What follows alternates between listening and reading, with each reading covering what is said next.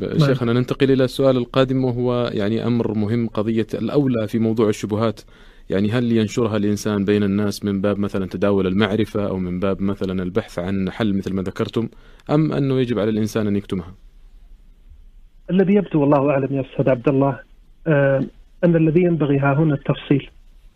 تارة تكون الحكمة في أن يمات الباطل بإخماد ذكره وإخمال ذكر قائله وفي هذا يقول العلماء الإعراض عن القول المطرح أحرى لإماتته وإخمال ذكر قائله. وهذا مسلك صحيح في محله والمسلك الآخر صحيح في محله. بمعنى عدم ذكر الشبهة وعدم التنبيه عليها وغض الطرف عن الكلام فيها هذا متعين في حال ما إذا كانت الشبهة إذا كان الباطل مغمورا خاملا لم ينتشر في الناس. أما إذا انتشرت أعني الشبهة وكان لها رواج فإن الذي ينبغي التنبيه عليها في مقام الرد عليها وليس التنبيه عليها تنبيها مجردا إنما ينبه عليها في مقام الرد عليها تذكر لأن من لازم ردها ذكرها. نعم. نعم جزاكم الله خيرا. ننتقل إلى قضية نقض الشبهة والرد عليها سواء كان يعني ردا عاما أو حوار خاص مع شخص مثلا يعني لديه هذه الشبهة أشكلت عليه. يعني إن كان هناك من ضوابط حول موضوع نقض الشبهات نعم لا شك أن هذا الأمر منضبط وضوابطه من وجهة نظري سبعة وهي نعم. أولا أن تكون الشبهة كما قدمت منتشرة بالفعل إذا أراد أن يردها ردا عاما ينبغي أن تكون موجودة وأن يكون لها تأثير ورواج والمتكلم آه، والمت... آه، يعني الكلام فيها قد كثر ومثل هذا ينبغي أن يحذر منه الأمر الثاني أن يسبقها تأصيل الحق. أن يسبق آه هذه الشبهة وبيانها تأصيل الحق. من الأمر الذي ينبغي أن يلاحظ هو أن الرد على الباطل لا بد أن يسبقه بيان للحق حتى يكون بيان الباطل بعد ذلك وتعريته في محله. الأمر الثالث أن يكون الرد على الشبهات ممن هو متأهل لهذا المقام. عالم طالب علم متمكن عنده قدرة علمية على أن يرد. أما الجاهل فليس له أن يخوض في هذا المضمار البتة. ليس المقام مقامه. مع الأسف الشديد هذا يقع كثيرا. أن ترد الشبهة من جاهل وإذا به يزيد المستشكل استشكالا ومرضا إلى مرضه. إذا أنت يا أيها الأب أيتها الأم أيها المعلم الصديق إمام المسجد إذا جاءك صاحب الشبهة وقد أصابته الحيرة فاشمله بالرفق وسعة الصدر عامله باللطف والأنات فإن المطلوب إقناعه لا إفحامه وإقباله لا إدباره. إذا جاءك مستشكل عليك أن ترحب به وحذار من أن تقابله بالتهجم أو السب أو النهر فإنه قد ينفر نفورا لا رجعة بعده. ثم إن كان عندك الجواب القاطع والبلسم الشافي فاستعن بالله. ولا تستكثر جهدا ولا وقتا فهذا باب من أعظم أبواب البذل في سبيل الله ونصرة شريعته. أما إن لم تكن فارس هذا الميدان فاتق الله فيه ولا تعمق بضعف جوابك الشبهة في نفسك. وإنما خذه إلى عالم جوابه يروي الغليل. الأمر الرابع. لا بد أن يكون الرد على الشبهة قويا محكما. بحيث أن أنواره تزيل كل ظلمة في القلب كانت منها. الذي لا يقوم بهذا وإنما يرد على هذه الشبهة كما يقولون من رأس القلم بكلمات مقتضبة لا تشفي ولا تروي. مثل هذا ما أدى حق الإسلام عليه ولا حصل بكلامه الشفاء. إنما ينبغي أن يكون الرد في غاية الإحكام والقوة جهة الأسلوب ومن جهة المادة العلمية. هذا من المهمات التي ينبغي العناية بها. الأمر الخامس ملاحظة المصلحة في مسألة الإجمال أو التفصيل في ذكر الشبهة فإن هذا المقام يحتاج إلى فقه. الأمر السادس لا بد أن يكون الرد على الشبهة عقيب إيرادها مباشرة ولا يصح تأخير هذا. لا ينبغي أن تكون الشبهة نقدا وأن يكون الجواب نسيئة فإن هذا من الخطأ الكبير. الأمر السابع والأخير إن كان الحوار حوارا خاصا مع من سأل عن شبهة. فينبغي التفريق بين الإنسان السليم وبين المصاب بمرض نفسي أو أو وسواس قهري. فإنه يا أستاذ عبد الله بالتتبع نعم. والممارسة اتضح أن كثيرا من الشبهات والإشكالات يسأل عنها أناس عندهم مشكلة نفسية أصلا.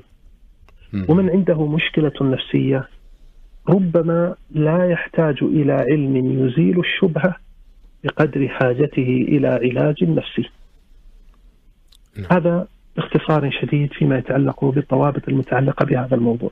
وننتقل إلى ربما السؤال الأهم في حلقة اليوم. يعني كثير من مستمعي ومستمعات الاذاعه ما شاء الله تبارك الله على قدر كبير من الوعي ولكن السؤال هو ما الإجراءات التحصينية التي يعني تنصح أن تلاحظ عند تربية الناشئة للوقاية من تأثير الشبهات على الإيمان سواء على الشباب أو الفتيات خاصة في مرحلة المراهقة أو يعني في مقتبل العمر.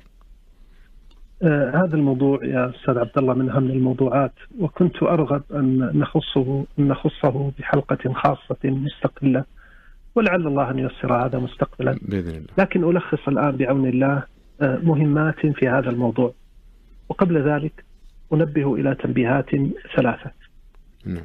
اولا المقصود بالإجراءات التحصينية السعي في إكساب الناشئة والشباب حراسة حول عقولهم وقلوبهم تحميهم بتوفيق الله من عوادي الشبهات وآثارها الخطيرة.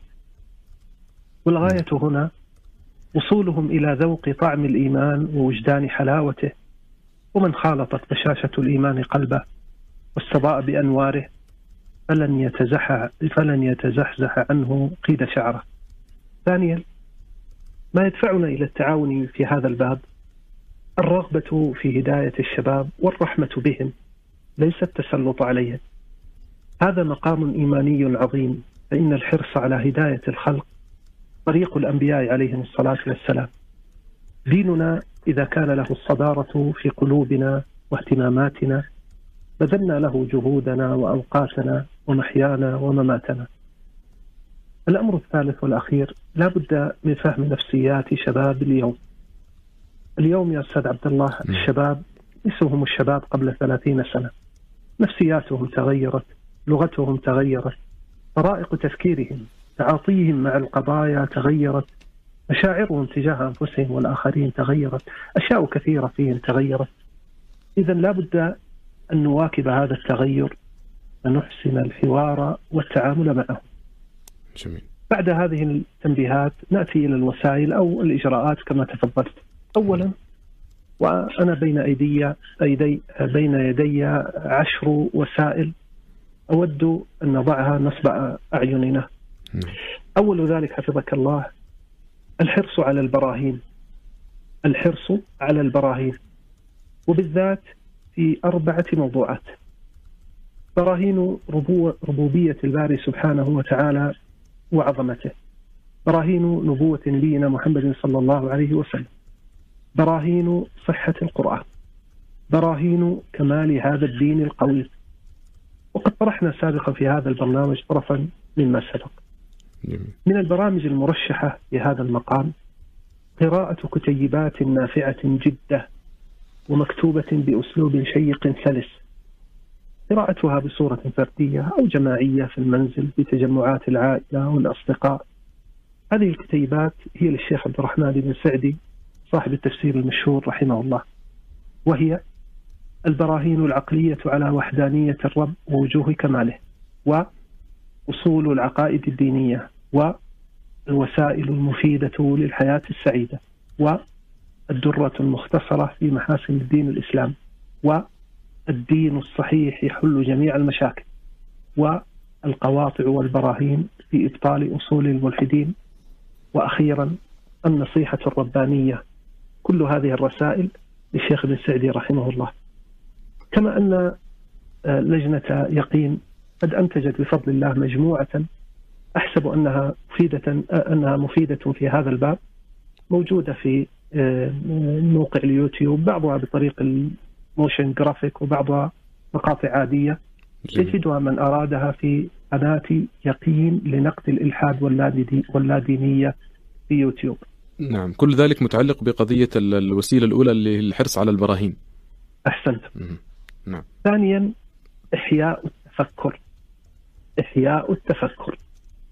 التفكر الصحيح عبادة عظيمة تكثر الغفلة عنها مع الأسف. فلا بد من تعويد الناشئة عليها. وأخص في هذا المقام التفكر في ثلاثة أمور. التفكر في معاني القرآن. لنتعود أن نفهم كل يوم شيئا جديدا من القرآن. ولو معنى كلمة واحدة. يعني إلى متى نكرر كل يوم؟ قل أعوذ بالفلق من شر ما خلق من شر غاسق إذا وقب. إنسان لا يعرف إيش معنى غاسق ولا وقب إلى متى لماذا لا يكون عندنا حرص على أن نفهم القرآن ونتدبره وعندنا التفسير الذي أوصيت به في الحلقة الماضية تفسير الشيخ بن سعد أو التفسير الميسر الذي أصدره يجمع الملك فهد لطباعة المصحف أو أو غير ذلك من هذه التفاسير القيمة الموثوقة. نعم. الأمر الثاني التفكر في معاني الأسماء الحسنى. وأرشح في هذا كتيبا هو تفسير أسماء الله الحسنى للشيخ بن سعدي رحمه الله أيضا. الأمر الثالث التفكر في الآيات الكونية. إما بالمشاهدة المباشرة أو عن طريق المقاطع وما أكثرها في الشبكة. وأنا أقول يا أستاذ عبد الله شبابنا غارق مع هذه وسائل و... و... وقابع في هذه الشبكة أكثر وقته لماذا نشغلهم في هذه المقاطع التي تزيد يقينهم. وتعمل فكرهم في هذا الأمر العظيم. أنتقل بعد ذلك آه، إلى الأمر الثالث تحذيرهم من منافذ الشر وأصول الأفكار التي ينفذ المبطلون من خلالها وقد طرحنا في برنامجنا هذا بعضا منها الأمر الرابع الاطلاع على أخبار المهتدين إلى الإسلام وقصصهم قديما وحديثا وفي الشبكة ما لا يحصى من هذه المقاطع. وأذكرها هنا بقول النبي صلى الله عليه وسلم ثلاث من كن فيه. وجد بهن حلاوة الإيمان. من كان الله ورسوله أحب إليه مما سواهما. وأن يحب المرء لا يحبه إلا لله. وأن يكره أن يعود في الكفر بعد أن أنقذه الله منه. كما يكره أن يقذف في النار والحديث الصحيحين. معرفة أخبار من أسلم وكره الكفر. يقربك من وجدان حلاوة الإيمان وهذا مجرب. الأمر الخامس تعظيم قدر الدين في نفوسهم منذ الصغر. ينبغي علينا أن نغرس في نفوسهم أن الدين أول شيء وأهم شيء وأثمن شيء بل هو كل شيء. هو المقدم وكل شيء يأتي بعده. نعم. الأمر السادس غرس الجواب المجمل في نفوسهم. وهو ما سبق بيانه لا بد من تعليمهم إياه لا بد من تعميقه في نفوسهم. فإنه حاجز بإذن الله سبحانه وتعالى عن وصول الأفكار الضالة إلى عقولهم. الأمر السابع تعويدهم على مهارة طلب السلامة. وهو ما سبق الكلام عنه في هذه الحلقة. جميل. الأمر الثامن محاولة تعريفهم بالحكمة في تشريع الأحكام قدر الإمكان. فهذا مما يزيدهم يقينا. والحكمة قد سبق كلام كلامنا فيها في حلقات ماضية والخلاصة. معرفتها في أحاد وتفاصيل الأحكام الشرعية معرفتها تزيد الإيمان والجهل بها لا ينقص الإيمان. بل التسليم بلا معرفة حكمة يزيد الإيمان من وجه آخر. إذا هنا وهنا أنت يزداد إيمانك. نعم. ومما أرشحه في هذا مصنفات الشيخ ابن عثيمين رحمه الله. فقد كان رحمه الله معتنيا ببيان الحكمة في تشريع الأحكام. فلو التمست من كلامه. نعم. تاسعا يا حبذا أن نحرص على انتقاء صحبة صالحة لأبنائنا وإخواننا. ولا أكتم كسرا يا أستاذ عبد الله إن قلت هذا أصعب شيء مما ذكر هنا. يا ليت أن الصحبة الصالحة التي لا إفراط عندها ولا تفريط تشترى بالمال والله لاستحق الدفع الغالي والرخيص. وعلى كل حال فلنسعى والتوفيق بيد الله. عاشرا وأخيرا مهما بذلنا من أسباب في هذا المضمار فيبقى السبب الأهم والذي قد نغفل عنه الدعاء. إذا الدعاء ثم الدعاء. ثم الدعاء. والله تعالى أعلم.